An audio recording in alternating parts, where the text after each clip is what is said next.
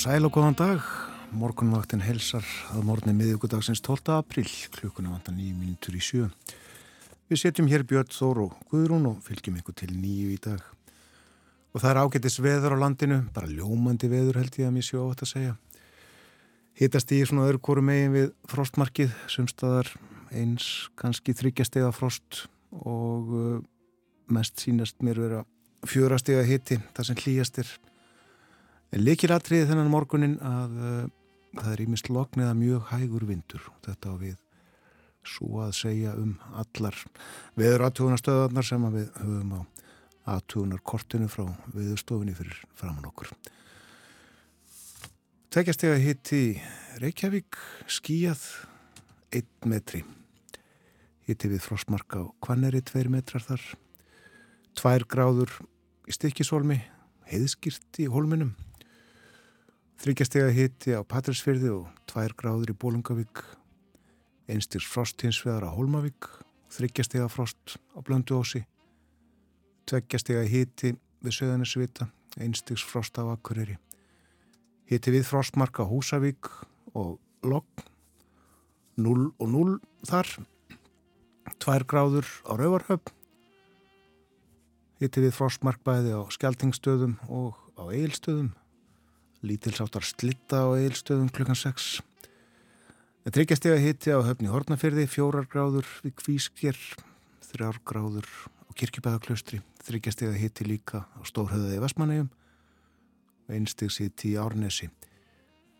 Á hálendinu, já, að fimmstega frosti, fimmstega frostbæði á Sandbúðum og Veðivatnarhönni. Svona virað á landinu fyrir réttæpri klukkustund. Og það er einmitt aðeins svalara heldur en það var í gær en meiri stillur og það er norðlega átt í dag, 5-10 metra á sekundu og dálítið snjókomaða ryggning af hlutalandsins en yfirleitt þurft um landi sunnavert. Og hitin verður að áttastegum í dag og það verður mildast siðst á landinu. En í kvöld er vonu hægri breytilegri átt og það verður nánast engin úrkoma í kvöld en það verður svona einhvað örlítið á hlutalandsins og morgun er múin á norðaustanátt alltaf 13 metrum á sekundu söðustalands á landinu og það verður rykning með köplum þar en annars hægari vindur og þurft að kalla og hittin 2-9 steg yfir, yfir daginn.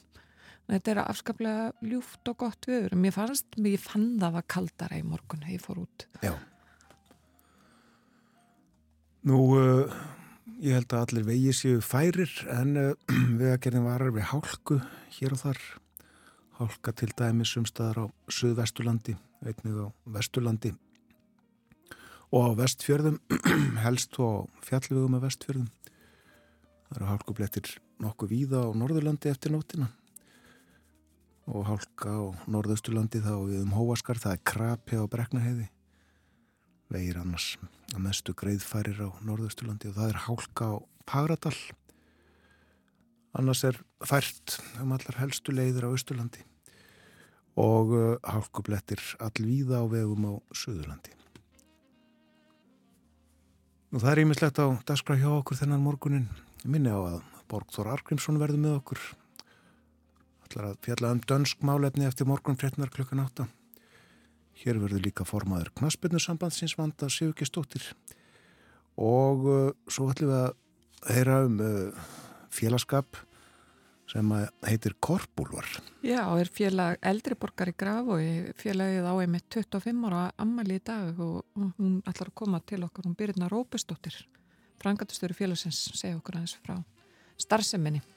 Og tónlistin hún kemur hérðan og þaðan hvernig var það eftir í grínþættinum? Hérna og þaðan aðalega hérna byrjum á lægi hérna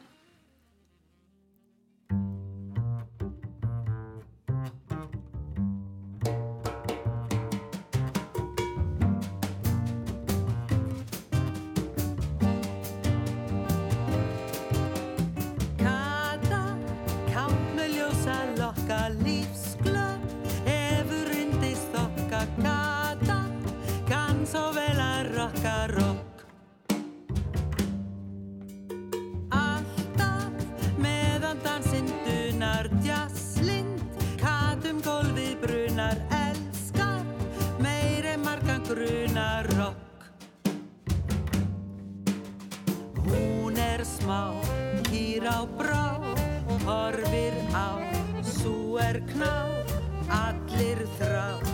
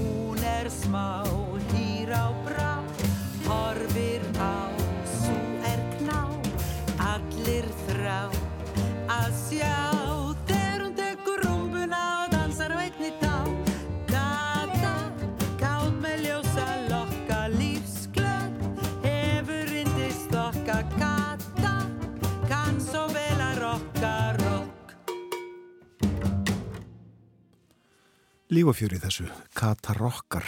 Theodor Einarsson samdi á sínu tíma og ég held að Erla Þorstins hafi sungið þetta fyrst.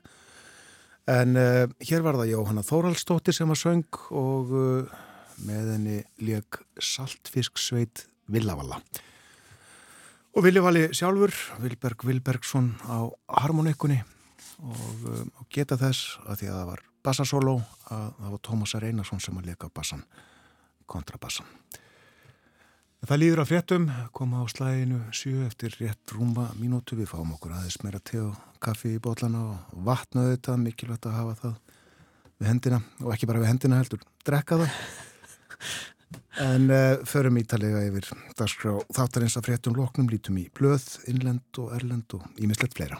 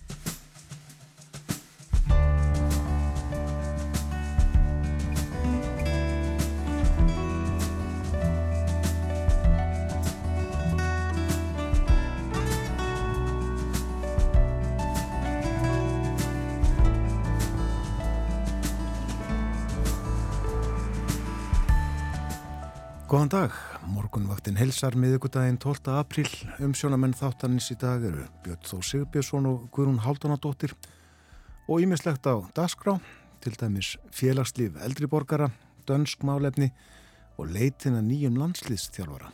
Já, það er líflegt starf meðal eldriborgar í Grafavogi en í dag fagnar félag þeirra, Kolbúrval, 25 ára afmæli. Þetta eitthvað fór eitthvað illa í mig, Korpúlvar. Birna Róbistóttir er frangatastjóri Korpúlva og stýri starfsemi borga sem er félagsmiðstöð Reykjavíkuborgar í Grafavogi og hún ætlar að koma enga til okkar á morguvaktina núna rétt upp úr klukkan halv åtta. Og Vanda Sigurkistóttir, formaður Knaspirnu sambandsins, verður hjá okkur hálf nýju. Hún er að leitaða nýjum þjálfara fyrir Karla landsliðið eftir að Arnar í viðarsinni var sagt upp um daginn. Ætli hún hafi einhvern í siktinu, við spyrjum á því og uh, við tölum með þetta líka um frábæra framistöðu ungmennarlandsliðina, framtíðina björt í fókbaltanum. Borgþór Artgrímsson verður líka með okkur í dag og segir okkur frá því sem er efstabau í Danmörku þessa dagana eftir morgu frétti klukkan 8. Að veður hórun dagsins það verður norðalega átt í dag víða góla eða kaldi. Það verður þungbúið á norðanverðurlandinu, lágskíjað og dáli til rigning jafnvel snjókoma en sunnalandsverður bjartara yfir og þurfta mestu. Hiti í dag að átta stegum og það verður mildast síðst á landinu. Þetta á við um daginn í dag. Á morgun verður svo norðaustan kaldi eða stinningskaldi söðaustan til, regning með köplum en hægur vindur í öðrum landslutum og lengst að þurft og hitti á morgun 2-10 stig og var aðtöða hvernig veðri verður á förstu dag um helgina? Norrlæg eða breytileg átt á förstu daginn vintraðin að 10 metrum á sekundu dálitlar skúrir, jafnvel jél á norður og austurlandi og hiti um eða yfir frostmarki þar sem sagt á norður og austurlandi. En uh, jafnvel 10 stíða hiti yfir daginn sunnalands og bjart viðri og uh, á lögadag Þá verður hæg östlegaða breytileg átt, bjart með köplum, stöku skúri sunnalands, hiti þrjú til tíu stig, en svo vaksandi austanátt við söðuströndina á lögutaskvöld. Og uh, á sönnudag uh, þá má búast í regningu víða, verður þó úrkomi lítið á Norðurlandi og hitin áþekkur því sem að var eða verður á lögadag, svona þrjú til tíu stig eitthvað svo leiðis. Það hljóma nú bara mjög vel. Já, er þetta ekki þokkalegast að vorfiður? Jú, ég held það. Held það. Við uh, lítum í blöðin og uh, nefnum hér fyrst uh, fórsíðmynd morgunblasins á henni er Hestur, Hestur í, í húnaþingi vestra, mynd tekinn á dögunum þegar ekkert ljósmyndari var þar á ferð. Það var dimt yfir, segir hér í texta en uh, hesturinn uh, sést svona á milli tökja stöyra sem að bera ramagslínur og á þeim uh, gul viðvörunarspjöld. Allir að standa ekki á þeim háspina lífsætta eitthvað svo leiðis en hesturinn hann kifti sér lítið upp við hættumerkingarnar. Enda sennilega velkunnugur staðháttum segir hér í texta Nú, uh, það er fjallað um uh, þessa ákvörðun borgar yfirvalda að hætta við skuldabrefa útgáðu sem átti að fara fram í dag. Borgin sérst hætt við að uh, taka lán að því að bjóða skuldabref. Var tilkynnt um þetta í gær og morgunblæðið segir markaðsaðila sem vel þekkja til á skuldabrefa markaði segja að eh, borgin hafi viljað forðast nýðulægingu á markaði með því að hætta við þetta þar að segja þessa fyrirhugðu skuldabriða útgáfu Viðmælendur viðskiptamokans eru samhljóma um það að lítill áhuga hafi verið fyrir hendi af hálfu markaðsaðilega um að taka þátt í fyrirhugðu útbóði borgarinnar. Og uh, þetta var tilkynnt í gær þessi ákvörðun en uh, hún var ekkit skýrð og ekki stafkrók um þetta að finna á fréttasíðu Reykjavíkuborgar en uh, tilröðinni morgunblaðsins til þess að ná í Dagbjörg Egesson borgastjóra eða Einar Þorsteinsson formann borgaráðs það er uh, tókust ekki þeir svöruð ekki í síman en þeir verða að skýra þetta. Og um þetta fjallað ítalegar í morgunblæðin í dag. Það er líka sagt frá þessu ræðilega slísi í Vestmanneim í gær þegar aukumadur fór með bíl í höfnina í Vestmanneim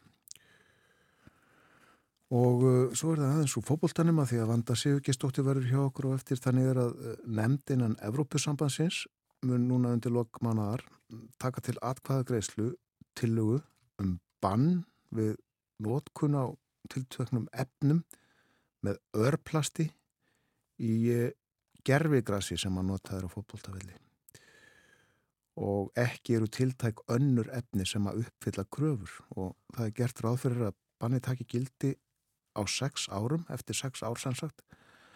En uh, eh, knaspirnum samband að Európu er að reyna að fá þennan aðluguna tíma lengdan í svona 10-12 ár og knaspirnum samband í Íslands hér sagt stiðja þá kröfu. En uh, bannið gæti náð til 197 gerðvigrars valla hér á landi. Gæti sem hefði stört að skipta um gerðvigras á þeim öllum, ef ég skildar rétt. Það eru þá eintalega allir þessi batavellir sem eru um, fyrir utan sko marga skóla, margu skólalóðum kringum landi. Þetta er svo gríðarlegu fjöldi. Já, það er líklegt. En uh, við segjum þetta gott úr morgunblæðinu þennan morgunin. Það er ekkert frettablað, það er hægt að koma út. En uh, lítum í elundublöðin eftir smástund eða ekki fyrst að hlusta á eitt lag. Jú, gerum það.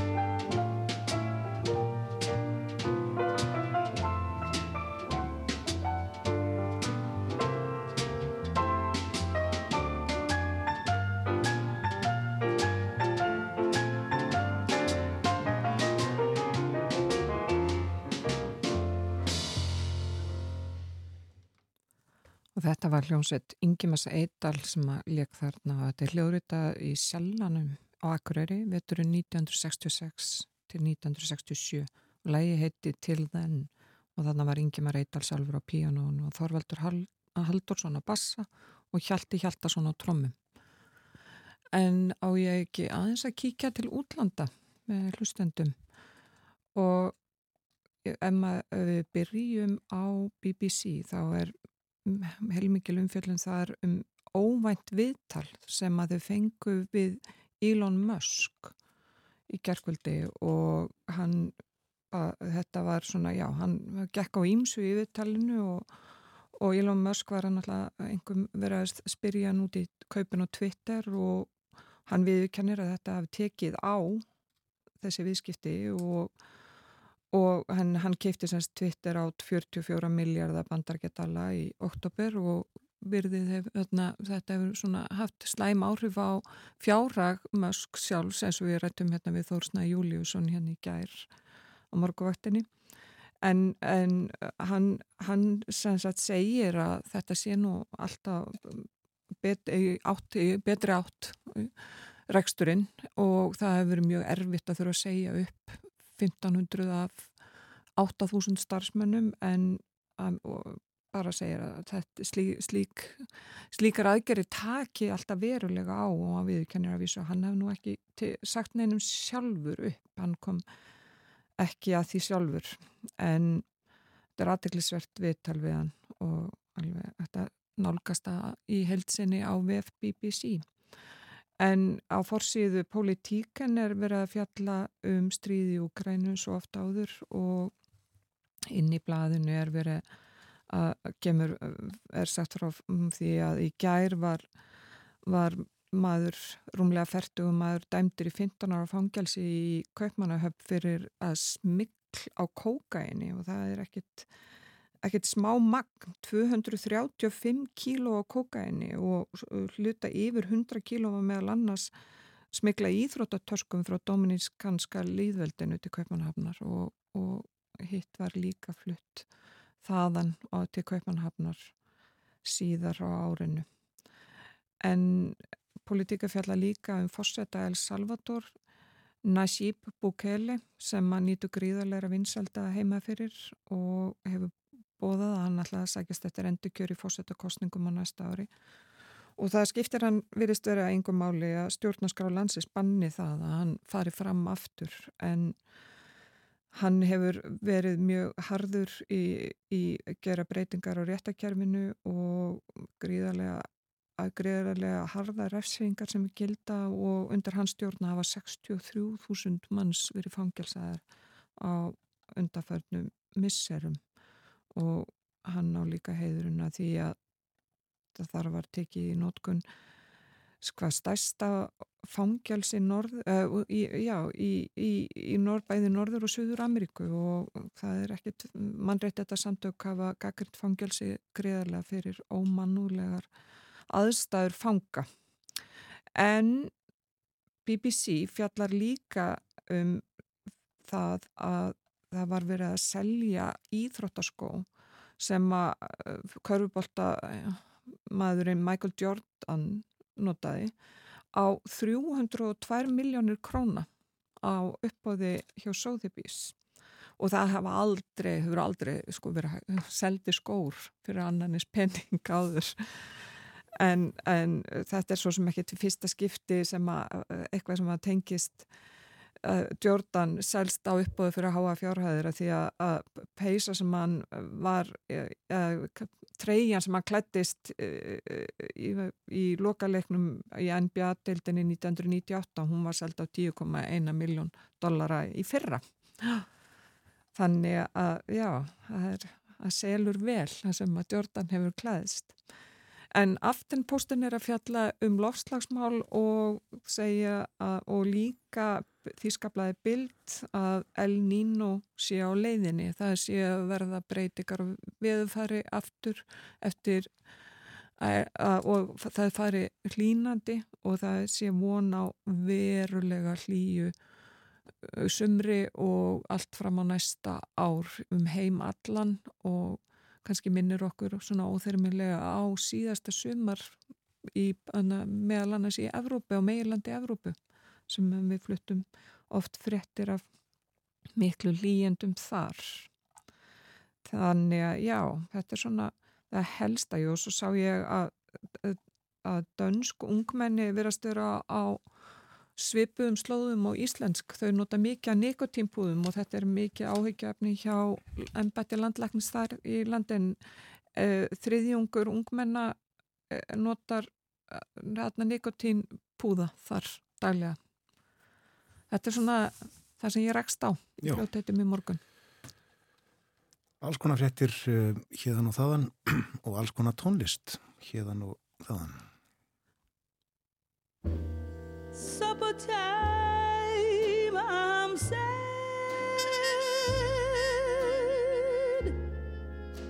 Then it really gets bad.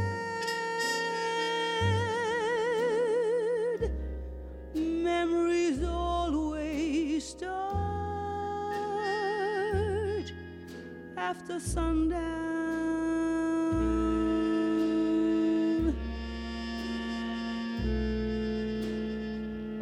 It begins to tell round midnight, around midnight. I do pretty well.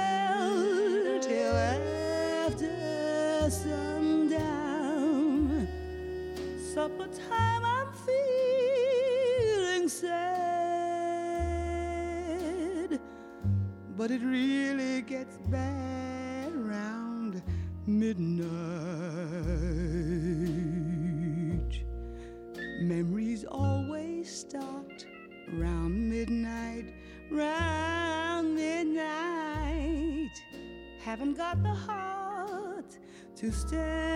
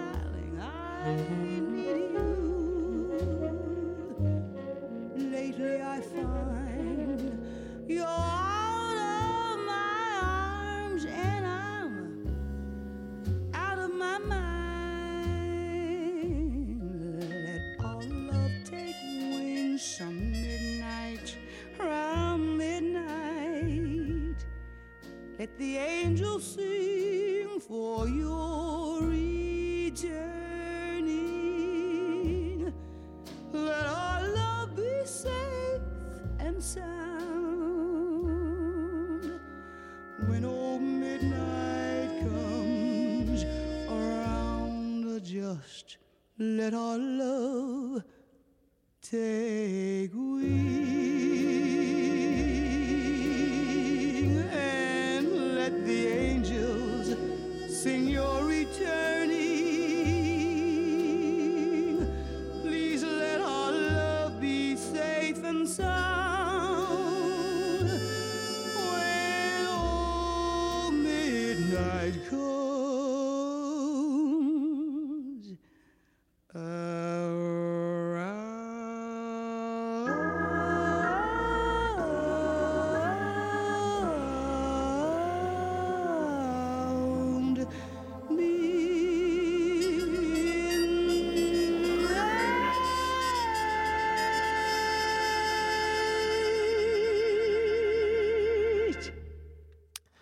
söng Sara Vaughan fyrir okkur lag Theolonius Monk Round Midnight og þetta var tekið upp fyrir 60 árum síðan.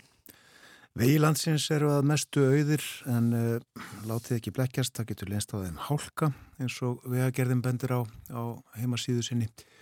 Stafsmenn vegagerðarinnar tóku daginn snemma eins og jafnan og kannuðu ástandið og hálka í á víða um land í öllum landslutum á eiga vona á hálku og vegum. Nemndar eru til dæmis Holtaverðu heiði og Fróðár heiði.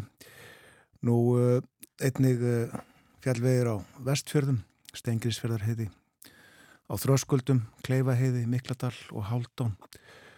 Það er líka tekið fram að uh, vegurunum Dynjandisheiði er mjög ósléttur á köplum, hafa myndast á honum djúpar hólur víða og fólk gvatt til að sína varkárni. Nú uh, hálka snjóþekja jafnvel krapi hér á vegum á Norðausturlandi og hálka á nokkrum leiðum á Östurlandi. Segja frá því líka að vegurunum Uxarhyggi er lokaður Þar fjall skriða sem að þverar vegin, auksarhyggir vegirurinn um hann tengja, má segja, í gróðundráttu þingvelli og borgafjörð, vinsæl leið. Nú, svo er kvítarvallavegur í borgafjörði einni lokaður. Það er verið að uh, laga brýr yfir ferjukottsíki og uh, það tekur tíma að gera við brýr og veist við að lokun þarna vari fram í miðan júni. Annars er uh, útlitt fyrir bara ágættis veður í dag og næstu daga eins og við fórum yfir ítalega hér fyrir morgun. Kanski smá slitta á norður og austurlandi, það mun líka regna eitthvað á okkur og uh, hitin svona að, 8 til 10 stegum á söðurlandi næstu daga, svalara fyrir norðan. Já, þetta er að verða alveg bjart sínist mig hér, við, ég varst ekki um að við höfum bara ég blettur að sjá sól á höfuborgarsvæðin í dag. En framöndan hjá okkur 25 uh, ára afmæli Korpúlva, þetta er félagskapur eldri borgara í Grafavogi. Við heyrum af um, þessu á eftir, eftir frettæðilitið sem að kemur eftir smástund. Borgþór Argrímsson verður með okkur eftir morgunfrettinar klukkan 8 og segir okkur frá því sem er efstabögi í Köpunahöfn. Og hér millir hálf nýju og nýju vanda Sigurgestóttir, formaður Knaspurnu sambands Íslands, hún er að leita nýjum þjálfara fyrir Karlalandsliðið. Það hefur verið alveg ótrúlegu góðu gangur hjá ungu landslegunum og það er alveg frábært og ég sá að foreldrar voru að sapna fyrir bara eiga að geta að horta börnum sín keppa í útlandum, þetta gengur svo vel hjá þeim. Það var gaman.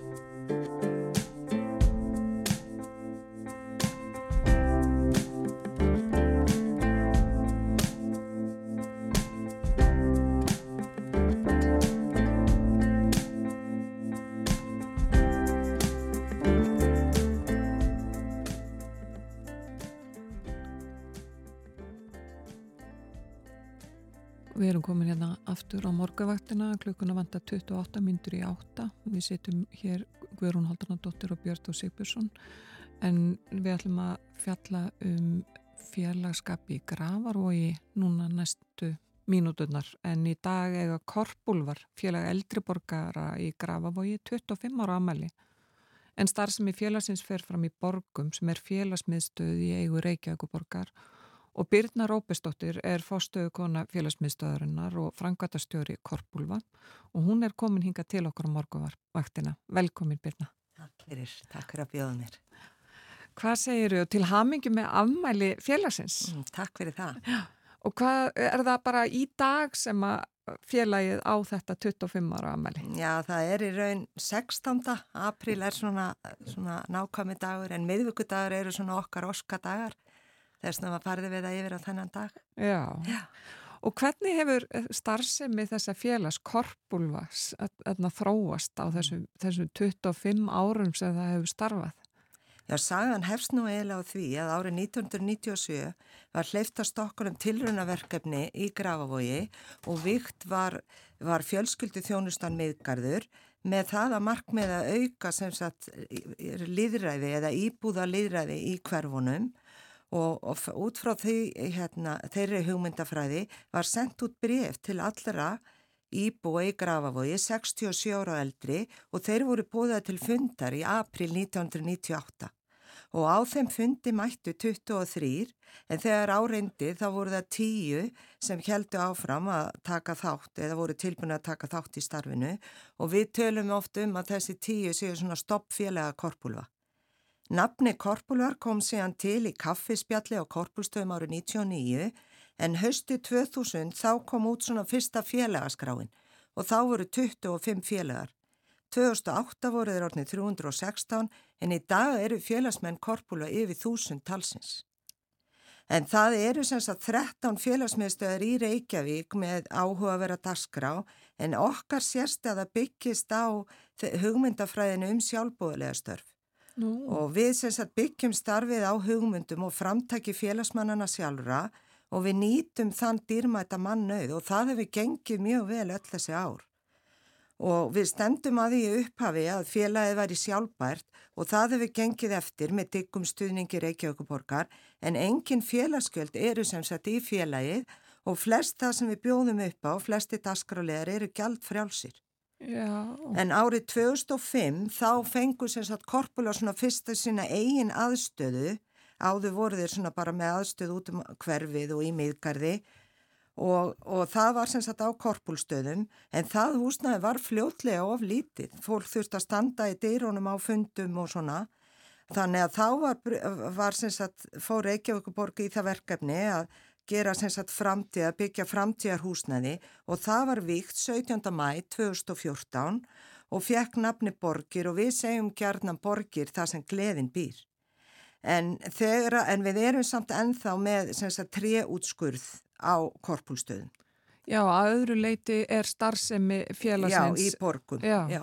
En þegar við fluttum frá korpúlstöðum úr þrengstónum þar, þá hefði fólksvöldnar áhugir að því hvort okkur myndi takast að halda þeim góða anda og sköpunagleði sem hafi ríkt á korpúlstöðum og þá voru korpula 16 ára og þá bröðuður á það ráð að blása góða andunum í 16 blöður og í töfraflösku og síðan var gengi fylltu liði frá korpulstöðum í borgir með blöðrutnar og töfraflöskuna og það var opnað og blöðrutnar sprengtar á vikslu hátíðinni.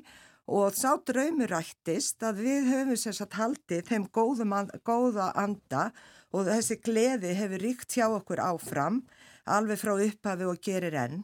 Og sem sagt í borgum er mjög fjölbrytt starfsemi alveg frá mótni til hvers alla daga. Já, hva, og hva, það því þú talar einmitt um þetta sjálfbóðaliða starf, eru þá, hva, hvaða starfsemi eru þið með?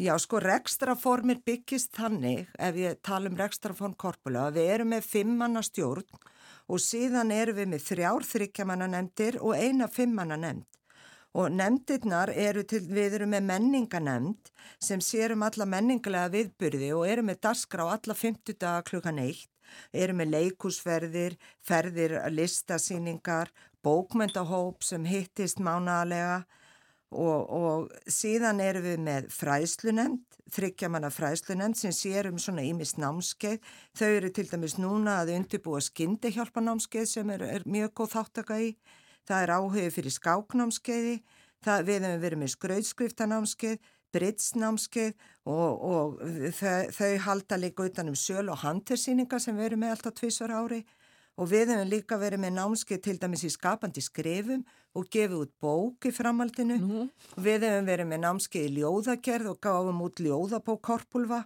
Við hefum einnig gefið út söngbækur en söngur er svona stór þáttur einmitt í starfinu. Síðan erum við með þryggjamanna ferðanemnd og þau skipilegja allar innalans og utalansferðir og núna veit ég að ferðanemndin er með fimm ferðir skipilagðar og það verður farið núna á sumadagin fyrsta í tveggjadaga ferð til Akureyrar og Siglufjörðar og síðan er búið að skipilegja dagsferð á Suðunesin 31. mæ. 50 korpulur er að fara til Suður Englands 9. júni og síðan hefur, er, búið, er, er ferðanemdin með ferðum Dalina í ágúst og stór hópur fyrir einni til Katalóníu í september. Og það er svolítið skemmtileg hefð sem hefur skapast hjá ferðanemdini að þeir útbúa svona ferðalýsingar fyrir ferðina og þá getur fólk undirbúið sig vel fyrir ferðina og síðan eru jafnvel farastjórar eða leysumenn úr okkar hópum sem gerir ferðina svona personlegri. Og eftir ferðina eru gerna myndasýningar eða sagt frá ferðinni Já. þannig að við hinn sem ekki fyrir meir fáum að njóta. Og síðan erum við með skemmtinemnd og það eru fimm í skemmtinemnd og það veitir ekki að því við viljum hafa nóga skemmtilegum hlutum í gangi.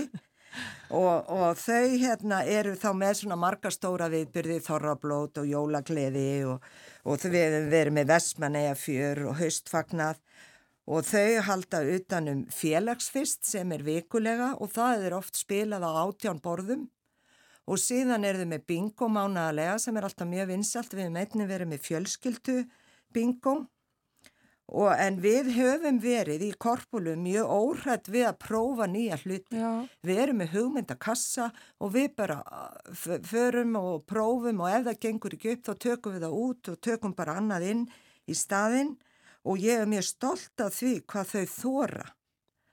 Það er kannski einhver sérstök hugmynd í upphafi sem verður svo bara að förstum viðburði. Og eitt gott dæmi um það er þegar maður kom til okkar sem hafi fyrir 15 árum síðan sem hafi mjög mikið áhuga umhverfismálum og tína rusl og það áhuga að fá einhverja til að koma með til að tína rusl í, í hverfinu. Og úr var verkefni hverfum færum grafavók og við fengum styrk í það verkefni og gátum þá keift svona verkværi og tínur og fleira. Og síðan var ákveðin hreinsunadagur og þá mættu bara um það byrj 30 manns á þennan hreinsunadag og það komu menn keirandi með, með eh, svona pallbíla. Og síðan var hverfinu skiptu og við vorum náttúrulega með sjálfskeipaðan ruslastjóra þennan mann sem kom með sem hafði ákvörum á sem, eh, Já, kom með hugmyndina, kom með hugmyndina. Og, og síðan var bara grillað á eftir, grill, grillháttíð og sungið. Og síðan eh, þessi styrku sem við fengum, hann endist í fimm hreinsunadaga og síðan eru þessi hreinsunadagar orði bara fastu liður í starfinu hjá okkur.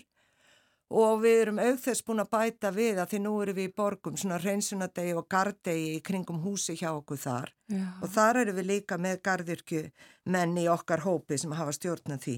Og það er svolítið gaman að segja frá því að Þegar við vorum eitt sinn með hennar hreinsunadag þá kom rektorun í borgarhaldsskóli út og tók myndaðum vera tína rusl með göngugrinduna sína rétt fyrir utan húsið en borgarhaldsskóli í næstan ákveðinu við okkur og byrti myndina í skólablaði skólans og ég held að eftir það hafi nefndunir átt svolítið erfitt með að, með að henda rusli á víðavangi eftir þessa upplifin.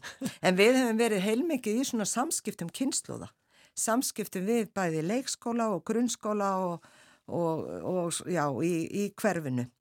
En það eru sem sagt ótrúlega margir sem er að leggja eitthvað mörgum á hverjum degi en það er náttúrulega mikill fjársjóður sem býr í þessum félagsmönnum öllum sem er svona stór hópur og við segjum gætna en enginn getur gert allt en allir getur gert eitthvað og þau sem eru kannski léle líkamlega þau eru kannski verkstjórar eða þau koma með hugmyndirnar. Þannig að það er í raun mjög margi sem leggja eitthvað til og það er mjög mikilvægt að fylgjast með að álæði verði ekki á mikið og neinum og vera svona til staðar þegar áþarf að halda. Og mín reynsla er að oft þarf svolítið að hvetja þau í upphafi Já. því að þessi kynslu er svona frekar hóvær en svo þegar þau finna að þau geta hlutina þá eflastu og þá er mjög auðvelt að, að draga sér í hlið og, og þá hérna og það er náttúrulega mjög skemmtilegt þegar einhverju draumar hjá þeim er að rætast eða jápil þau eru að upplifa og uppkvötva einhverja hæfileika sem við vissu ekki einu sinni að þau hefðu. En nú segir eins og þú sagðir, það voru hvað, fyrir 25 árum þá voru 10 stoppfélagar og núna ja. er þetta orðið yfir þúsund. Mm -hmm. Er þetta kannski lýsingi líka á aldri grafavóksbúa? Er, graf, er fólki hverfina eldast? Já, öruglega, bæði og, já, það er, er öruglega hluti af því að, að hérna, já. Og það eru margir sem sagt að mæta þá til ykkar jafnvel á hverjum degi? Já, við erum mjög þakklátt fyrir það að það er mjög góð aðsókn á hverjum einasta degi. Kemur mjög stór hópur og, við, og bara ekki endilega kannski til að taka þátt í þessu heldur líka bara til að koma við og spjalla. Og svo er, höfum við sko líka verið svo í miklu samstarfi eins og ég sagði áðan við ymsa þjónustu stopnanir í hverfinu. Og eins og til dæmis núna hefur, hefur stundum verið vandraði með húsnaði að því aðsóknin hefur verið svo góð. Mm. og þá hefur við til dæmis geta leita til borgarbókasapsins sem er bara í næsta húsi við okkur. Og nýlega var til dæmis myndlistahópurinn okkar í fyrsta skipti með samsýningu á á mynd, myndunum sínum Já. og þá leituðu við til bókasapsins og heldum myndlistasýningu þar í samstarfi við borgarbókasapsins og það eru 17 í myndlistahópnum og það kom okkur skemmtilega óvart að þau voru öll tilbúin að taka þátt og við heldum mjög veglega opnun og það var alveg mjög góð aðsók og, og það, við fengum mjög góða eða svona, það voru margir sem líst yfir ánægu sínu með þessa síningu. Og er þetta þá eh, bara eh, eitthvað þá myndlista uh, kennari sem kemur og, og hittir hópin og sem þetta er að kenna þeim? Eða? Já, já. Sko leipinendur hjá okkur eru mjög fjölbreyttir, bæði geta verið úr okkar hópi eða jafnvel eins og núna með myndlistahópin, þá erum við með mentaðan listmálara já. sem tókað sér hópin og, og, og er þá, já, er á þriðdagsmotnum klukka nýju hittastu alltaf vikulega.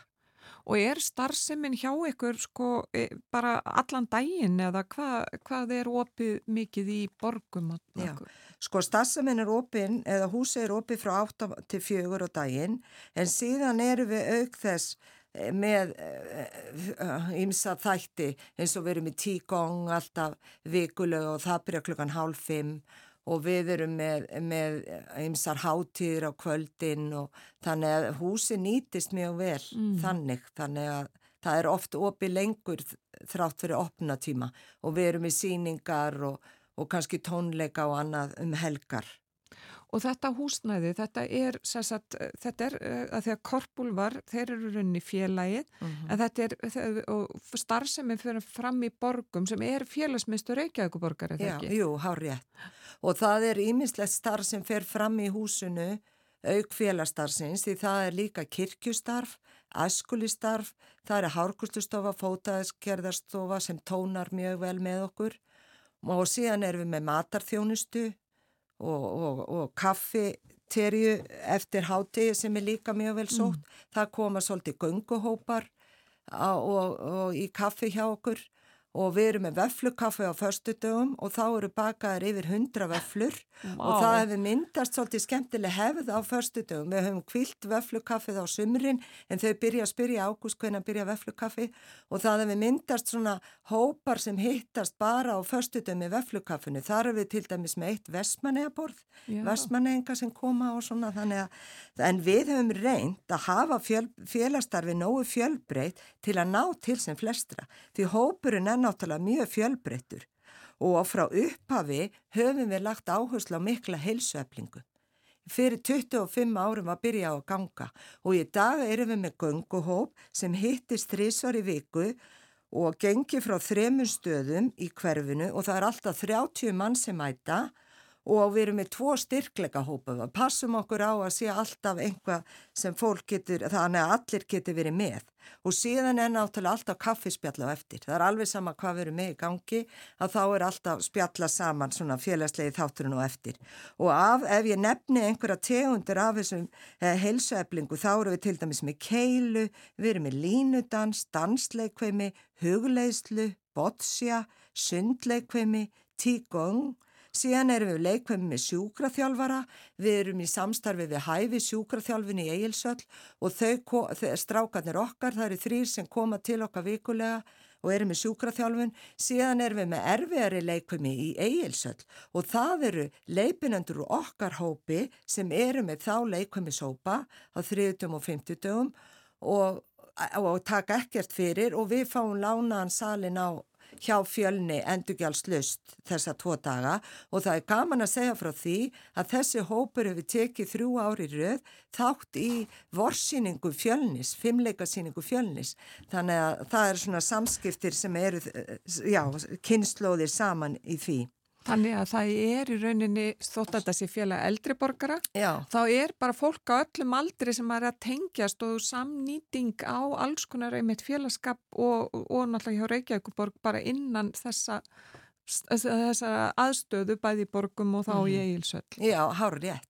Og já, og ég, yngsti sem kemur mikið til okkar er 24 ára og við erum allavega með tvo félagsmenn í dag sem eru 100 ára já. og við erum haldis, við leiðum útsólt í salin í borgum. Já. Það eru til dæmis oft fermingaböld sem hafa verið í fermingafræðslu í húsinu og við erum búin að halda 200 ára amæli í húsinu og við erum mjög stolt af því og ekkit erfitt að fá fólk til að mæta en því að þetta er náttúrulega bara búið að spyrjast út og, og fólk bara... Já, já, við höfum náttúrulega verið smá vandraði með að aðsóknin hefur verið það góð og við höfum verið með bygglista mm. og við höfum verið að vinna að því við auglísum gætnan fyrstir koma, fyrstir fá og hámark og, og við höfum stundum þurft að fara bara tvísvar í sömu ferðina og við höfum verið að auka að hafa tvísvar saman ámskeiðið og líka til dæmis leikvæmnishópanir þá tvísvar tvo hópa í rauð til þess að vinna niður þessa mm. bygglista. En síðan erum við með alltaf síðasta miðvíkudagi hverju mánuði við vetramánuðina mjög metnaðafullan eh, félagsfund og það er það sem er mjög vel sótt hjá okkur og þá fáum við alltaf einhverja sérstakka gesti, síðast fengum við til dæmis hjúgrunafaræfing og, og hérna ringvaran sem var með einstakt erindi sem snerti við okkur öllum. Mm. og þá erum við með gamanmál og ljóðalestur, jafnvel einhverja fræðslu. Og söngkópurinn okkar, korpusískin, þau syngja alltaf á þessum fundum. Og en þau æfa einu sinni viku og hafa sungið víða. Og, og voru í fyrsta sinn með vor tónleika síðastliði mm. vor og þá voru þau semst með tónleika ásand gestasöngvara og þetta er blandaður söngkópur og það er svolítið skemmtilegt að á tímabölu voru fleiri kallmenn en konur í þessum söngkóp og það held ég sé svona frekar einstakt. Mun hópurinn syngja í dag, tilefni dagsins? Já, já, já, allavega tvísasinnum og jafnvel mun, mun sá sem stjórna hó, hó, hópnum líka taka söng. Og, og síðan erum við líka með leiklistarhóp og, þau, og það var á síðasta ári þá voruðum við leiklestur á leikverkjunum maður í mislitum sokkum undir leikstjórn þjóðþögst leikara sem eru okkar hópi. Og við hefum líka haldið mjög skemmtileg hageringamót og, og henni senst að á hverju ári þá gefum við út svona nýja starfskrá. Já. og nú erum við náttúrulega orðið svo mörg þannig að, að og við sendum út bregð með þeirri starfskrá að við þurftum að senda út til 775 félaga og og þau hjálpa okkur við að dreifa því og þau báru út næri öll þessi bref inn, innan Grafavox, þau skiptum þessu bara eftir gödum. Já.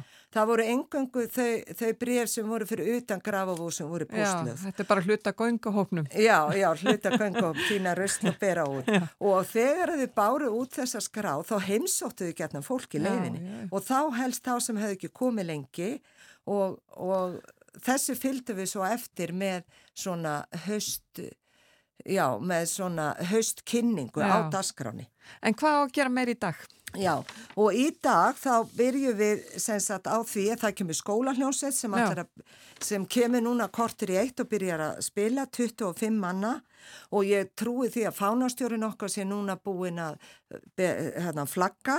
Og það er öruglega bakaðar þúsund pönnukökur í, í grafavogi í dag því það verða pönnukökur og okkur hefur verið gefin stór ammaliskaka Theodor Blöndal for, flápar í formaðurinn okkar allar verða visslustjóri og, og Davíð Ingi Ragnarsson allar að koma bassasöngur og syngja. Síðan verðum við með leinigest og dansópurinn okkar syngur og þannig Já, að við bjóðum bara alla innilega velkomna í partíið í dag Heyrðu. og það verður sem sagt askra frá 1 til 4. Takk kærlega fyrir þetta Birna Róbesdóttir, fórstöðukonna félagsmiðstöðurinn að borga og frangvætastöru Korpulva til hamingi með daginn. Já, takk fyrir.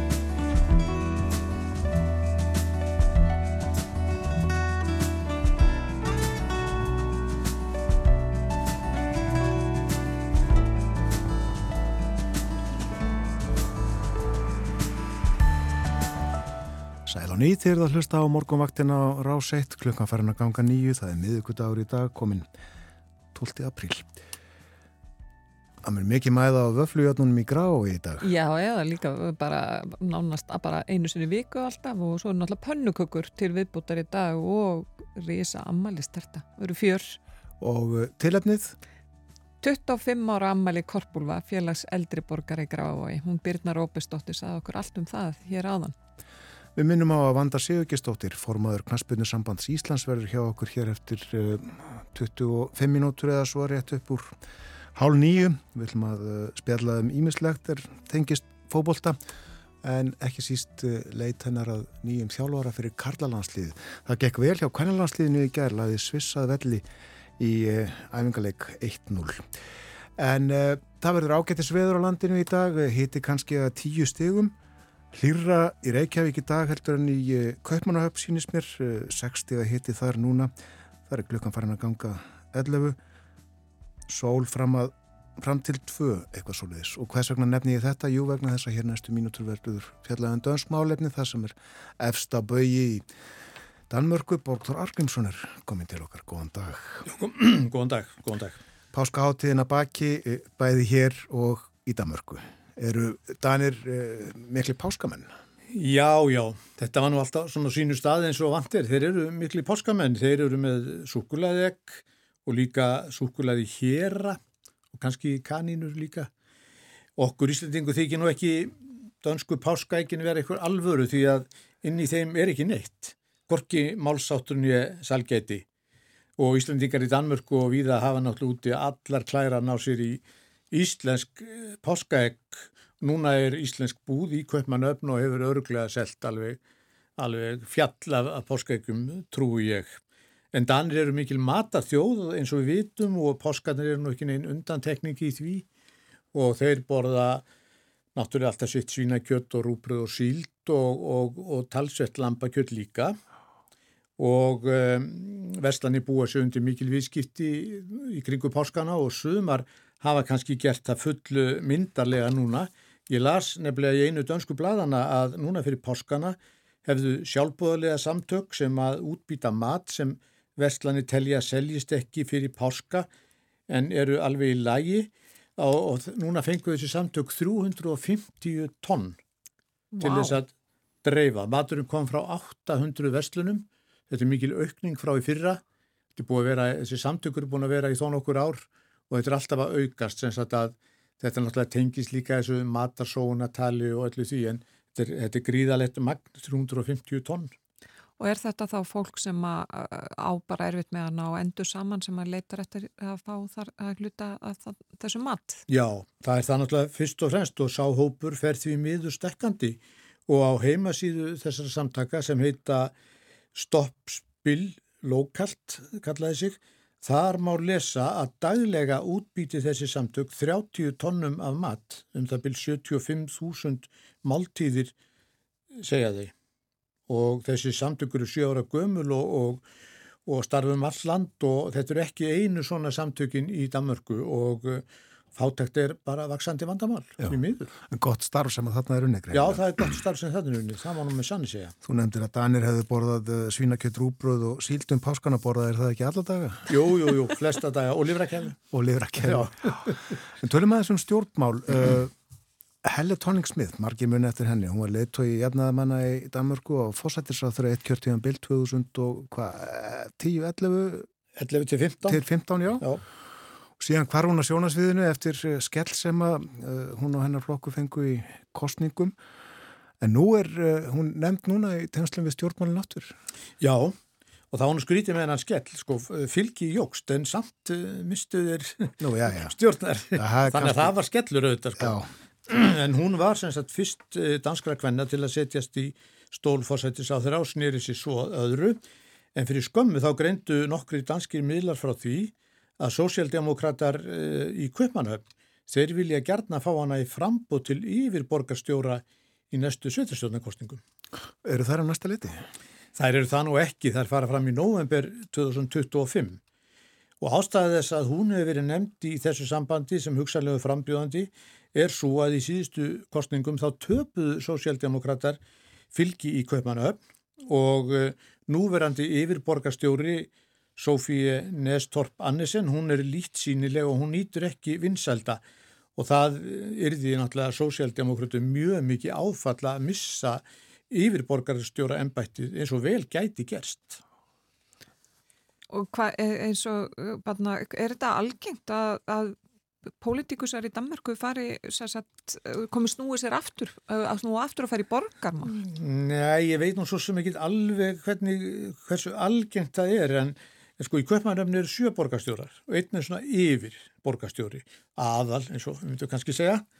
Og, og núverandi yfir borgarstjóri Sosialdemokratin Sofía Nestorp hún tók við 2020 eftir að Frank Jensen sagði af sér vegna ósæmilegra framkomu eins og hann orða, hann hefði verið yfirborgarstjóri í tíu ár, hann hefði áður en hann fór í þetta, þá hefði hann verið á þingi í 20 ár og verið dómsmálar á þeirra og, og sömulegis nýsköpunar og, og vísindar á þeirra áður en hann snýri sér að borgamálunum, þannig að þetta er ekkit einstæmi, kannski er það einstæmi með forsætisáþur ef af þessu verður, það veit maður náttúrulega ekki neitt. Nei. Hún hugsa málið eh, Já, hún hefur ekki svarað neinu en þá sko um það hvort þetta sé eitthvað sem að henni hugnist. En eru þá þessi sjö borgastjórar sem að eru þetta þá þessi undir, er, er, þess, þetta er aðal, eru þeir þá yfir hverfum eða hver, Nei, þeir eru yfir málaflokkum. Já, já. já. Einn er yfir skipilasmálunum og annar er yfir kannski frávítumálunum og, og, og ég veit nú ekki, kann ekki já, nefna þetta alltaf mentamál og, og svona þeir eru semst með ákveðna verkaskiptingu, ekki miða við hverfi. Það er áhugavert að taka þetta upp hér þurfti líklega einn borgastjóra snjómóstus Já, já það er nú það. En já, eh, snjómóstur segi ég eh, Sumarið eru þetta á næsta leiti og eh, þá færist líf og fjöri bæði tífóli og bakken.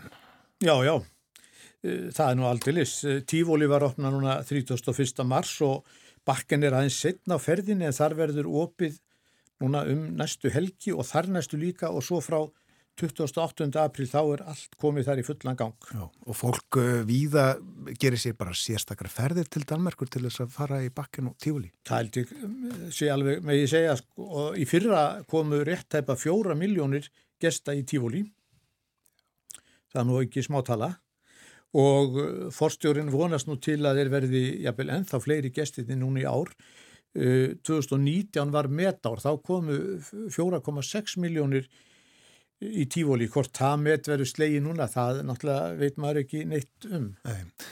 Tífóli rúma nú ekki svo marga í einu? Nei, þetta er náttúrulega ekkit stort svæði en það meiga samtímis, ég var aldrei hissað þegar ég sá það, það meiga vera 33.000 inn á svæðinu samtímis. Þau telja náttúrulega inn sko og allt það og út þetta komir aldrei óvart þessi tala, 33.000 er aldrei hlópur. Já, það eru líklega öll sæti í rúsibanninu setin. Já, ég hugsa það og, og, og, og gott betur í speiklasalunum og allstað, það hugsa ég. Já, uh, Tífóli blasir auðvitað við flestun sem að fara um miðborg Kaupmannahafnar. Já, já. Bakken er aðeins auðvitað við. Já, sko bakken er svona hálfdrættingur á við Tífóli, þanga komið tæpar 2 miljónir í fyrra. Bakken er elsti skemmtigarður í heimi stofnaður 1583 Hvað sér? Þetta er daldi náttúrulega öðruvísi stað. Þannig er ekki rukkar aðgangseirir eins og, eins og í tífólínu en bara selt inn í, inn í hérna, einstök tæki og, og svo leiðis og árið 2015 þá var opnað á svæðinu eftirlíking af hluta smábæjarins Korsbekk sem er sögus við matadórþáttana mm. og þetta trekkir. Þannig eru veitingastæðinni sem að koma við sögu í Matador og þarna er gödumyndin, svona aðal gödumyndin úr, úr Korsbekku bara verið endurgerð þarna. Og um helgar má ég segja, ég held að sé ekki alla daga, þá eru personur úr Matador að þvælast þarna fyrir utan húsin og spjalla við gest og gangandi eins og, og sagt er. Svo er líka hann á bakken Sirkusrevíjan, vinsæla, hún uh, hefur verið á bakken síðan 1935 Fyrsta síningin í ár verður 11. mæ og fyrir nokkrum dögum þá var búið að selja fyrirfram sko 44.000 miða. Það er uppselt á hverja einustu síningu allt sumarið og, og e, það eru sæti fyrir svona, eða pláss fyrir svona 15 til 1800 manns og ég veit að fyrir tveimur eða þreimur árum þá eru þeir að fella niður eina síningu af algjörlega óviðræðanlegum ástæðum og eru að endugriða með hana því það var ekki hægt að bæta við aukasýningu, prógramið er svo, er svo þjætt. Tjaldi sem að hafi verið nota frá upphafi það eðilaðist núna í miklu óveðri í februar en það tósta útvega annað tjald þannig að þetta rúlar alltaf stað núna hjá þeim þarna í, í sirkusurrevíunni. Þetta er vinsælt. Þetta er mjög vinsælt. Og Matador auðvitað feikilega vinsælt í Danmörku á sínum tíma já. og hér, veistu, uh, var Matador uh, þáttaröðin sínd víðar í Európu og, og naut vinsælta? Já, já, hún hefur verið sínd víða og, og margóft sumstaðar ekki jafn oft og í Danmörku náttúrulega en, en hún hefur verið sínd víða og notið, notið mikill að vinsælta en þetta er einhvern veginn þannig þætti líka að þetta spilar inn á svo margt, mm. það er svo marga sögur sem eru sagðar, líka svo vel gert. Og það var náttúrulega Erik Balling sem stjórnaði. Með hardri hendi. Já. og þarna þetta hefur nú ekki verið auðvelt því að þetta voru mjög mikið leikarar úr leikúsónum og það var verið að taka upp snemm á mótnana áður en þið fóru sko í, í vinnuna eins og einhver þeirra sagði nú einhver tíma Og þá er þetta líka ferðamenn sem sækjast í að, að sjá þennan hlut af bakkan. Þetta er útlendinga líka, já, það er já, ekki já, bara danir. Já, já, já, já. Er hann að slífa fjöri í leikusunum í Danmarkum? Já, því held að meginu segja það. E, í fyrra þá seldist rúmlega hálf miljón miða á síningar konunglega leikusins, 500.000 rúm. Það er að segja bara á leiksviðum húsins og við þetta bætast svo 250.000 gestir sem að fóru á síningar utan höfuborgarnar á vegum leikúsins og, um, og 20.000 börn tóku þátt í svona, svona farand leikur eða það sem að það eru leikarar úr leikúsinu og svo eru krakkar úr viðkomandi bæ eða þorpi eða svæði sem eru með í og í þessu voru 20.000 í, í fyrra, þau gengið mjög vel og, og það má nú geta þessun í þessu sambandi að að eh, stjórnaformaða leikúsins er Bertil Horter, fyrirandi ráþherra og, og þingmaður Íslendingum að mjög góðu, góðu kunnur. Alveg. Það var hann sem að á endanum eftir allt þetta tók í kringum handritin, hjó á hnútin 86 og ákvað bara og gegn í mikill óþökk margra sinna flokksbræðra og systra að að þessi handrit skildu send til Íslands, þá voru margir þingmenn sem vildu bara hætta við að vera eitthvað að skila þessum handritum, þó það væri búið að tala um það og lofa því og skrifa undir og hvað þeina. Og hann er núna aðstræðandi í, í konunglega leikúsinu. Já, hann er formað á stjórnarinnar. Ég held að hann blandi sér nú ekkit í svona hérna listrænu hlið, ekki nema mjög takmarka. En menningamæður mikill. Hann er mjög mikill menningamæður og hann er hættur á þingi, Já. en er núna í þessu og þar hann fer alveg sko alveg á fullt í allt alveg sammeila hvað það er og, og ef maður fór þegar við byggum hann að ef maður fór á eitthvað svona eitthvað sem að tengdist Íslandi og jafnvel ekkert Íslandi sko þá var hann alltaf mættu þar Já, já. Leikúsið þetta uh, glæsilegt, uh, margir sem hafa séð það uh, skoða utan kannski færri komið inn í það en það er gaman að sjá síningar hann eða ekki? Það er mjög gaman að sjá síningar hann þannig að Íslandingar náttúrulega mikla sögu því að þarna voru fjölmargir Íslandingar í námi hér áður fyrr og og svo voru þarna íslenskir leikarar og leikstjórar Anna Borg og, og, Gumdu Kampan sem að nefni nú bara tvönnum Áfram með menninguna, það er komið að uh, danska lagi dagsins Borgþór. Og uh, þú fannst eitt gamalt og gott til að spila í dag. Já, Ansilik heitir það. Og höfundur lags og ljós er Axel Rasmussen. Og þetta lag það bar sigur og bítum í dansku undankeppninni fyrir Eurovision keppnina og lendi svo í fymta sæti í Eurovision í Cannes 1961 og flytjandin er Dario Campeotto. Hann er af ítölskum ættum eins og nafni gefur nú kannski til kynna. En e, fættist og bjó lengst af í Danmörku utan tvö ára á Ítalju þá var hann giftur giftur Nörby, hérna leikonu sem mm. mjög margir þekkja nú. Hann var geysi vinsæl dægulagsöngvari Krúner kallaðan menn þessa söngvara. Hann var fættu 1. februar 1939 eh, en lést núna í byrjun april 84 ára. Sjarmur og kvenna ljómi. Já. Eins og nafnið kannski gefur vísbendingu um. Já. Þeir eru það átt, þeir sem eru ítalskir eða bera ítalsknöfn. En, en hann sem sagt eh, átti ítalska foreldra en bjó allatíð í Damörku. Já, já, já, og, og var þar mjög þekktu söngvari og leikari. Já, mm. ef ekki að hlusta á þetta lag. Aldrei sér tilvalið. Kæra þakki fyrir að vera með okkur á morgunvaktinu þennan morgunin, Borgþór Argrímsson. Og sömleðist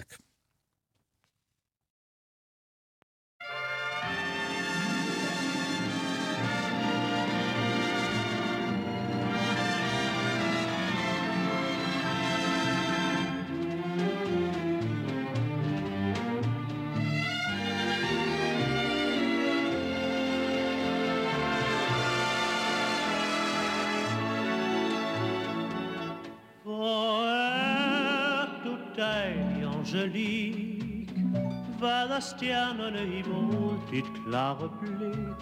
Din stemme klinger som den sødeste musik, og dit væsen er skabt af drøm og romantik. Gik jeg med Shakespeare's digterhat, skrev jeg digte til dig både dag og nat. Og var jeg hyldet i Carusos kappe jeg, Ja, så sang jeg, jeg sang for dig. Og jeg malte dig yndig og blue, kunne jeg male som Rembrandt han kunne. Og jeg tilbad dig på violin, kunne jeg spille som en så gav mig nej, jeg behersker ikke sang og strenge leg. Giv mig nu bare lov at drømme lidt om dig, Angelique, så jeg føler mig som blot en enkel lille brik i dit livs mosaik.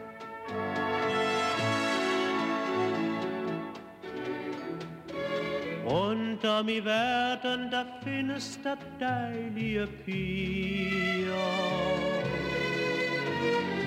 Nogen har det blivet, og nogen har det ildfulde blik. Men om jeg søgte i alle de dejligste riger,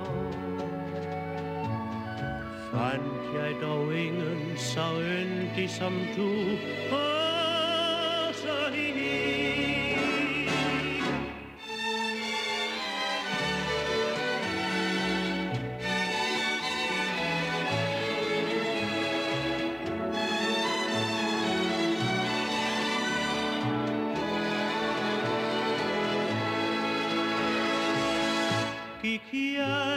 Jeg med Shakespeares digterhat, skrev jeg digte til dig både dag og nat. Og var jeg hyldet i Carusos kappe jeg, her så sang jeg, jeg sang for dig. Og jeg mødte dig yndig og blue, kunne jeg male som Rembrandt han kunne. Og jeg tilbad dig på violin, kunne jeg spille som min.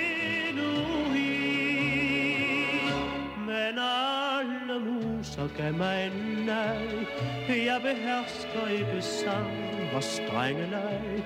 Giv mig nu bare lov at drømme lidt om dig, Angelique, så jeg føler mig som blot en enkel lille brik i dit livs mosaik.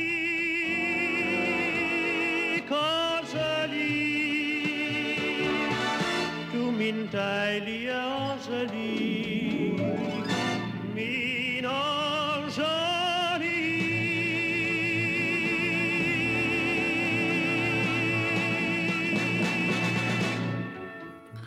Þetta var framlag Dana í söngakefni Eróskra sjónvastöða 1961, Angelique, Dario Campeotto söng og lagið þarna í fymta sæti, saði Bortur Já, okkur. einmitt. Hann var hjartaknúsari, lest núna í byrjum mánuðar. Eh, má nefna það að eh, sá er eh, flyttur framlag Dana í keppninni í ár, hann er færihengur, Já, fyrsta sinn sem að það gerist. já, er það áhugavert? Lagið af öðrum toga heldur en þetta, annar tótni því og taktur.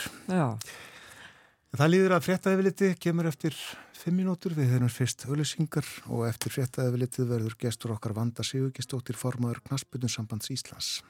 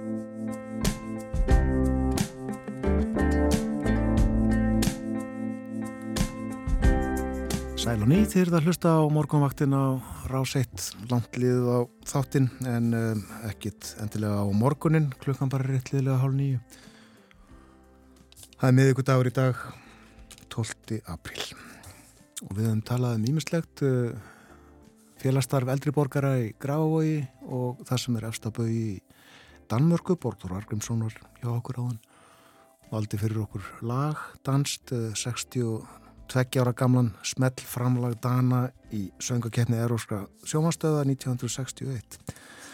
En uh, nú farir við okkur til dagsins í dag. Vanda Sigurgestóttir, formadur Knarsbytnarsambandsins er komið til okkar. Velkomin á morgunvaktina. Takk hella fyrir.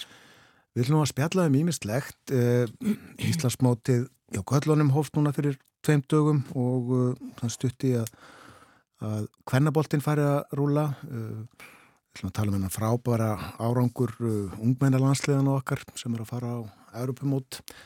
En uh, fyrsta leitin að landslýstjálfarinnum eftir að uh, Arnari Þór Viðarsinni var sagt upp störfum fyrir fáinum vikum. Um, ertu búin að finna nýja þjálfara? Nei, nei, ekki, en, en við erum að vinna í því á, á, á flegi ferð. Og einhver eða einhverjir í siktinu? Já, þetta er alltaf, þetta er alltaf viðkvæmt, þannig að, hérna, en já, já, og það sem, það sem gerist og það sem gerðist var að, hérna, að við, við bæði svona förum á stúana sjálf og svo berast líka alls konar nöfn til okkar, bara, hérna, það var mjög ánægilegt hvað var svona mikil áhuga á þessu og bárust nöfn við að úr álfinni og, hérna, í gegnum alls konar, gegnum umbúsmenn, gegnum vini, gegnum, hérna, velgjörumenn Íslands og svona, þannig að, hérna, þetta, þetta er búið að vera bara skemmtilegt. En já. Emmitt, mér langar líka að vita þetta hvernig þetta gengur fyrir sig. Svona er ekki auglist Nei, við auglísum ekki. Um, við erum bara með svona hérna já, maður kannski segja við séum þrjú sem erum hérna, að vinna að þessu svona kannski mest. Og erum að halda þessu saman og, og, og hérna og ætlum að hérna, vonandi, að því við erum náttúrulega, það, er, það stýttist alltaf í næstu leiki, 17. júni er næsti landsleikur e, í, í, í þessari hérna, undakefni og þannig að við erum svona bæði ætlum að vanda okkur og, og, og allt það að vera hérna, fagleg og, og við erum alveg með svona ákveði ferli sem við erum að vinna eftir, þannig að við erum annars að vera með það, en hins vegar erum við náttúrulega með þessa klukku sem tifar. Koma margir til greina? Við erum svo sem ekkert, ekkert, höfum ekkert svona loka því en við erum svona forgansröðum. Og uh, eru þið með uh, svona skrásett og skjálfest uh, einhver, einhver, einhverja svona ramma sem þarf að haka í, boks? Já, við gerum það. Og ég, ég er svo svona alltaf þið heyrið alveg á mér sko, ég get náttúrulega bara kannski eðlileg og ég vona fólk skilja að það er svona eðlilegt. Á þessu stíi að þá verðum við að, að hérna, passa okkur, þetta er viðkvæmt og allt það. En, en það er aftur á móti krítirir og, og og við höfum svolítið verið að leggja áherslu á, á reynslu og við viljum fá reynslu mikið þjálfara sem hefur reynslu alþjóðlega um fókbólta og hérna þannig að það er kannski svona okkar krítirja eða svona afsakið að ég sé að sletta hérna í Þetta skilst held ég. Já, Já, við erum með svona viðmið og þetta er kannski svona eitt af okkar svona megin viðmiðum okkar. Já, og þar þá viðkomandi að hafa þjálfað landslið eða, eða félagslið bara í útlandum? Um, Gjarnan landslið. Já. en svo það er svona kannski að því að svo setur við margi hátt og mér slíka bara vegum að gera það og það er okkar hlutverk að, að hérna, finna eins góðan þjálfur og við mögulega getum. Þannig að við setjum margi hátt. Og út frá þessu að, að þá heyrist mér að, að líklegast sé að næsti landslistjálfari verði erlendur. Já, það, það, það gæti að fara svo alveg eins. Og leiðir mig hérna áfram já Já, já, við vitum það náttúrulega að það eru kannski ekkert svo margi sem uppfylla, uppfylla þetta af, af þeim íslensku þjálfurum, það, það er bara þannig og ég held að sumir er að hafa nú þegar talað um það sjálfur, Óskar Rapp til dæmis talað um það viðtali, hvað var mikið vegt að þetta væri einhver, hérna, það þyrti svolítið reynslubólta í þetta, um, þannig að, en við erum ekkert að útiloka neitt og eins og ég segi, við, við vitum náttúrulega ekkert, hérna, það getur verið alls konar launakröfur og það er ekkert allir sem segja endilega já við okkur sem við viljum fá Eru, hérna, þannig, að, þannig að við vitum svo sem ekki alveg hvað en við allavega vildum byrja á því að, að setja margi hátt, setja háa kröfur, gera það sem við teljum að sé best að gera. Veist, hvað er það sem er líklegast þess að við náum árangri? Það er svona reyndur þjálfari sem hefur þessa reynslu að hefur gert þetta áður e, og allt það, þannig það er, við byrjum þar Já. svo sjáum við bara hvar við endum en vonandi endum við þar líka Akkurat, eh, þú nefndi launakröfur, það eru þetta gríðarlega miklu peningar í fótbolta og eh, landslýstþjálfarar eh, mörgum ríkjum á svimandi launum er knaspinu samvætt Íslands samkeppnishæft. Nei, í raunin ekki. Ekki, ekki þarna, nei, nei, og við, það er náttúrulega bara svo, svo mörgum vettföngum sem við erum það ekki og íslenski fótboltinn líka, ef við bara tölum um bara, ef við ætlum að fara að bera saman ennskudeldin og íslensku og allt þetta, þannig að, þannig að mörgu sviðum að þá, þá eru, veist, íslenski markarinn er náttúrulega ekki þrátt fyrir að við fáum bara mikið stuðning frá mikið af fyrirtækjum og erum bara, og þá er ég að tala um bara íslenskan fótbolta, ekki bara kási, þá erum við þakklátt fyrir það, en við vitum alveg að að þegar við förum erlendis og erum að heyri félögum okkar að þá eru það alltaf aðra tölu sem við erum að heyra það er kannski eitt stuðnisæðali borgar kannski sexinu meira heldur en allir okkar til samans og það er eðlilegt, það er eðlilega skýringar á því en, en það hefur að sjálfsög áhrif á, á, á okkur Já. við erum til dæmis miklu færri, starfsfólk á sí er, er bara, við erum nánast jafnmörg og gíbraldar færiðar eru bara nokkur um færri heldur en við til dæmis þannig að Ágætt að minna þetta aðra slæði. Já, þú veist, Albani er með 100 starfsmenn, albanska sambandið, við erum með 32 held ég, þannig að þetta er svona, hérna, við erum stór og, og, hérna heima og eðlilega og ég skýr það alveg, við berum okkur sama við mörgunnu samband hérna heima, sérsamband, en ef við berum okkur sama við sérsambandin í útlöndum þá erum við bara svolítið lítil og, og blöng. Að því þú nefndir England, eh, ég flettið upp að ganni ef ég, ég er nú ekki góður í pundum en ef ég hef reiknað rétt að þá síndist mér að þjálfari ennska landslýsins sem með 45 miljónir á mánuði held ég nú frekar en viku. Ok, 20 miljóna. Þið geta ekki búið neitt svo leiðis. nei, við erum ekki alveg, erum ekki alveg þannig. En hvenær finnst þér að, að, að, að þurfi að vera komin þjálfardi eins og þú sagðir þá leikur 17. júni? Í gær? Nei, nei, nei, nei, nei alls, alls ekki, ekki þannig. Nei, um, á næstu vikum. Ég myndi helst vilja hérna í algjöru síðasta lagi sko fyrsta mæ. En það er svo erfitt að segja þetta, þetta, þetta er, þú veist, hérna, við þurfum að gera þetta faglega og við þurfum að vanda til verka. Þannig að er, við getum einhvern veginn ekki svona bara slengt til höndum með því vitið, þannig að hérna, ég á mjög erfitt með að segja það, en ég, eh, En við gerum okkur grein fyrir að, hérna, e, að tíminn tikkar. Það var gaman að fylgjast með þessu, það eru margir sem að býða mjög spenntir, Já, menn hafa mikla skoðanir á Já, þessu. ég, já, og það er bara, mér finnst það gott. Og það kannski sýnir líka bara st- stöðu fótballtans, við erum langstæst, langfjölmennust og, og hópurinn í kring allir sjálfbálegarnir og, og stuðnisfólkið og, og allt það og þannig að mikið verið að ræða þetta út um allt og svona þannig að, og ég skil það bara mjög vel og ég er sjálf bara mjög spennt og hérna, þannig að hérna, ég skil áhugan og er þakklátt Veistu til þess að það hefði gest áður að landslistjálfari hafi verið rekkin eftir 7-0 sigur? Nei, eh, það, það, ég, nei, ég veit ekki til þess. Það þýðir ekki að það hafa aldrei gerst en, en hérna, en ég, ég, nei, ég veit ekki til þess og ég skil alveg það að fólki finnist það svolítið sérstætt. Hvers vegna rákuði Arnar? Við, hérna, við rauninni sögðum upp hérna, vinnuskildanum hans. Uh, við hérna starfskildum en uh, það var í rauninni bara eins og ég hef sagt í viðtölum að við, það var bara trú stjórnarkási á þessari vekkferð um, hún bara dvínaði og við tókum ítalegar umræður um þetta og erum á rétti leið höldum við að þetta sé það sem að mun koma okkur á EM.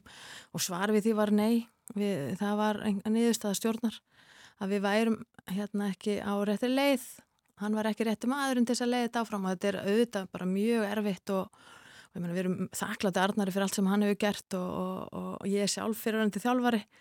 Þannig að þetta er ekki skemmtilegt að gera fara langt í frá en, en við verðum einhvern veginn að það er okkar sko hlutverk sem stjórnarkási það er bara í lögum að, að, að hérna, þetta með landsins sjálfarana og við verðum alltaf að vera að meta og hvað er best og hvað er rétt. Og, og, og þó þetta hafi verið erfitt að þá, þá erum við að gera eitthvað sem að er samkvæmt okkar samfæringu og við teljum að sé rétt að gera. Og það bara, það, það var bara niðurstaðan og það er eins sem við getum gert. Svo getur fólk haft alls konar skoðanur því að sjálfsögðu en, hérna, en þetta var okkar niðurstaðan.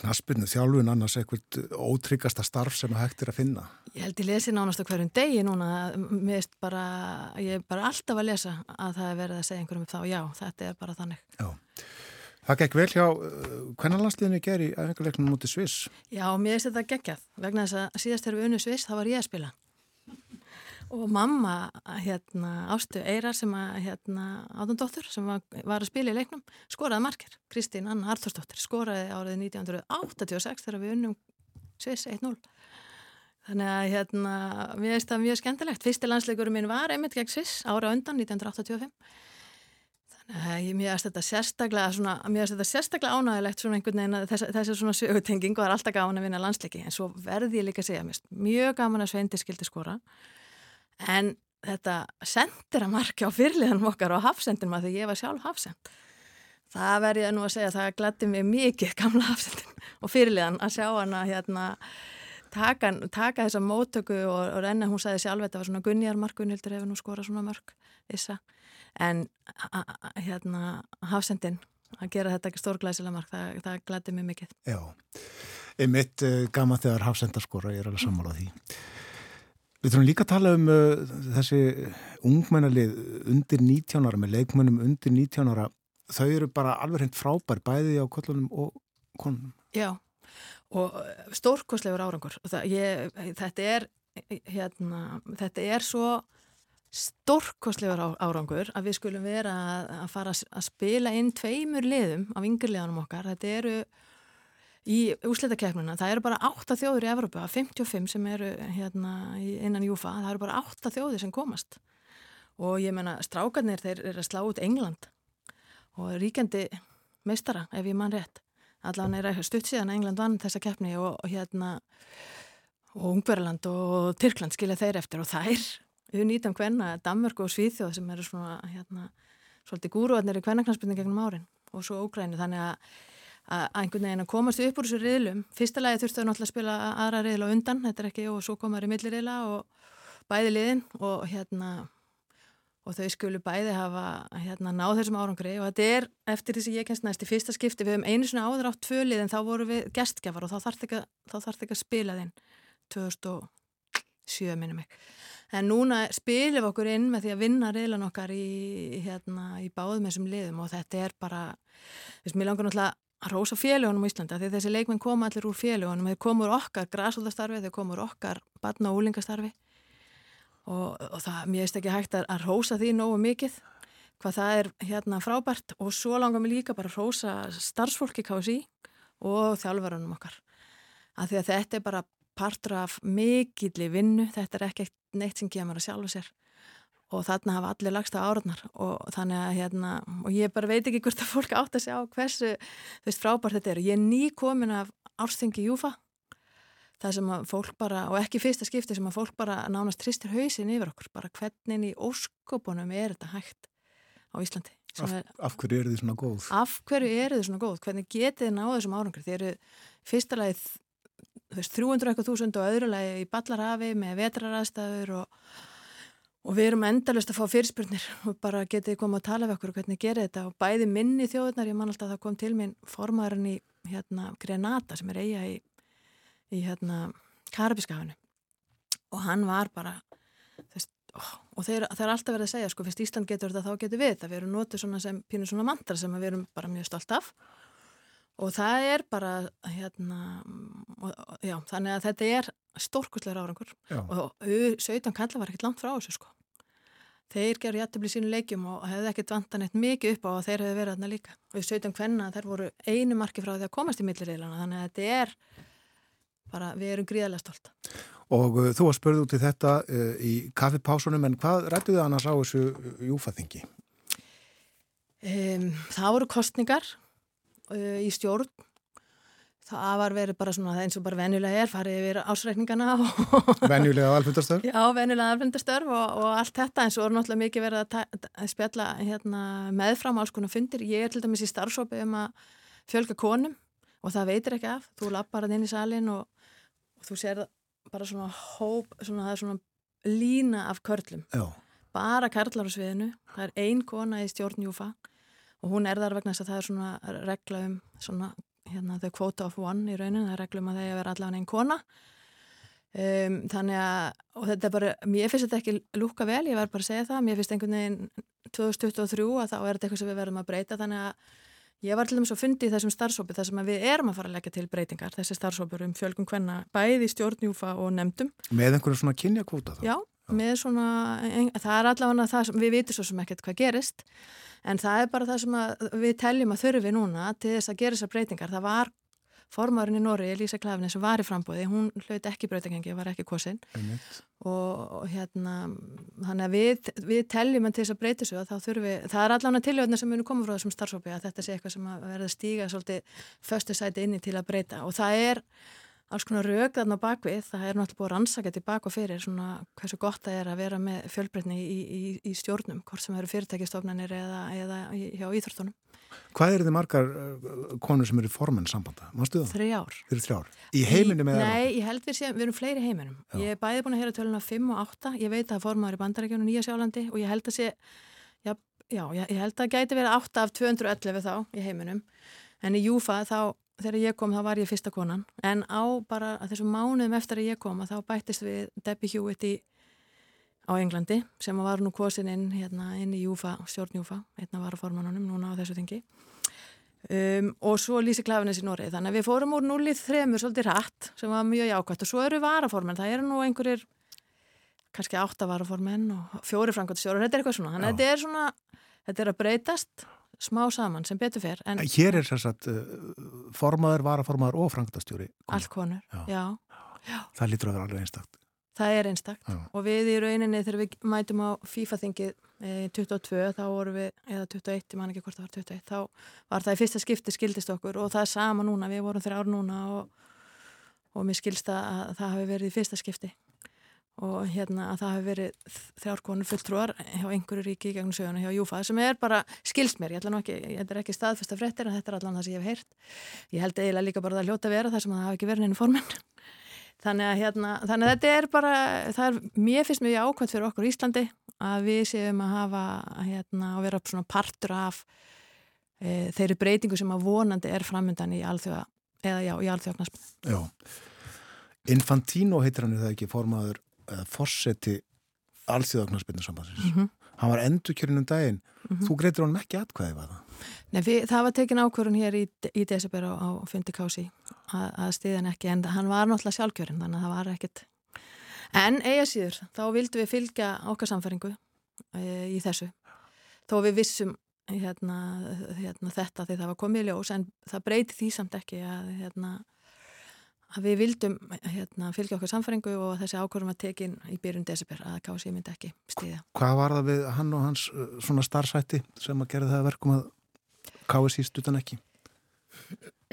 Það var, það voru svona, svona nokkur þættir að því að mér er líka mikið vett að tala um að, að það er líka margt gott sem hefur verið að gerast hjá FIFA á undarförnu. Til dæmis er svo bara að það búið að breyta algjörlega hvernig hérna lönd eru valinn en nú er það aðelda löndin sem að kjósa. Það er ekki lengur stjórn FIFA eins og var og það eru gerð svona skorkort og það er þar á meðal eru mannrættiti inn í. Þannig að þú, þegar þú ert að velja þá er svolítið svona búið að eins og til dæmis þeirra bara Bandaríkinn, Mexiko og Kanada voru valin og þá voru þau valin eftir þessu nýja kerfi.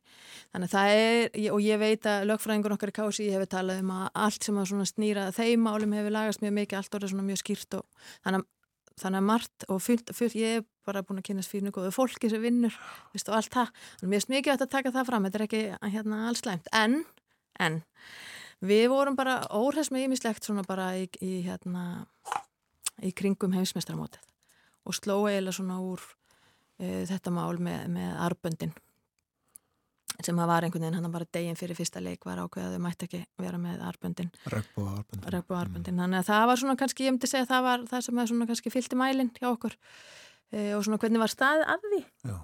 en þó að við værum að nekkert að þá hérna, við vorum alltaf ekki að keppa mótinu en, en það var svona hérna og svona ímislegt svona, já ég myndi kannski segja það, það var svona ímislegt í kringum heimsmyndstarmóti sem Akkurat En hann verður einhver ári viðbútt allavega Já, já, fjögur já.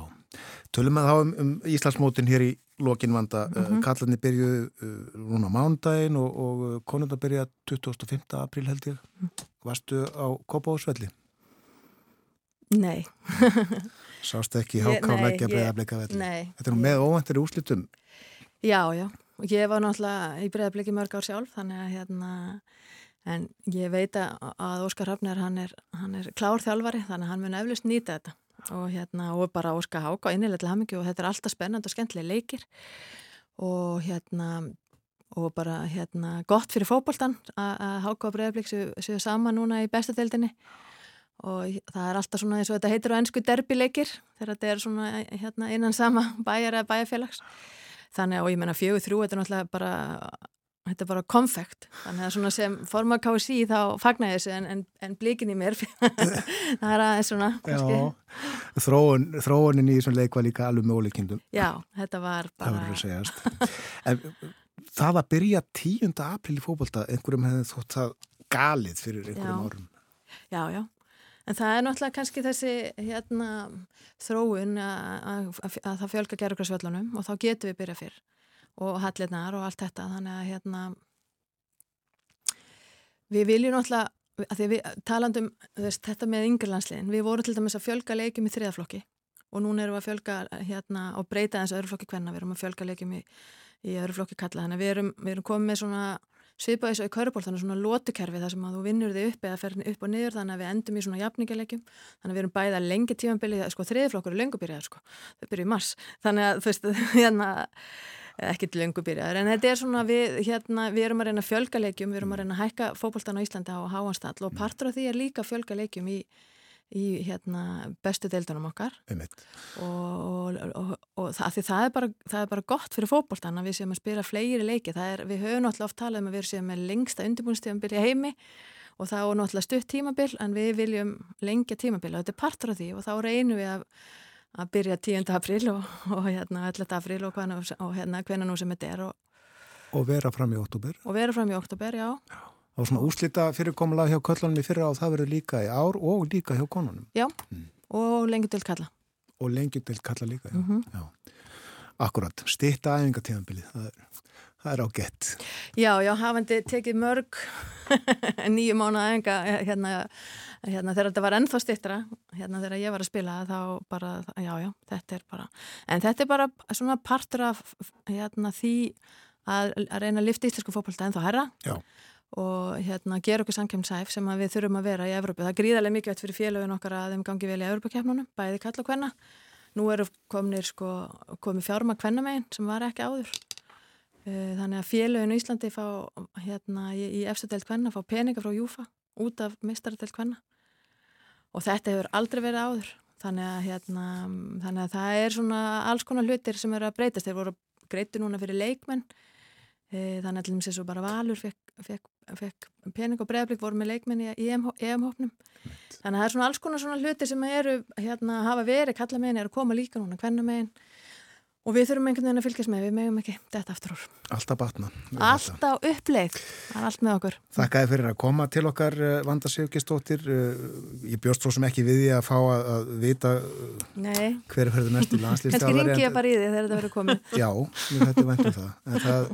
Það, stýttist í, í að þetta liggi fyrir. Það stýttist í það og bara við býðum spennt eftir því sjálf og, og vonum að þetta, þessi vegferð sem við erum á að hún gangi upp. Gangiði vel við þetta. Takk hella fyrir.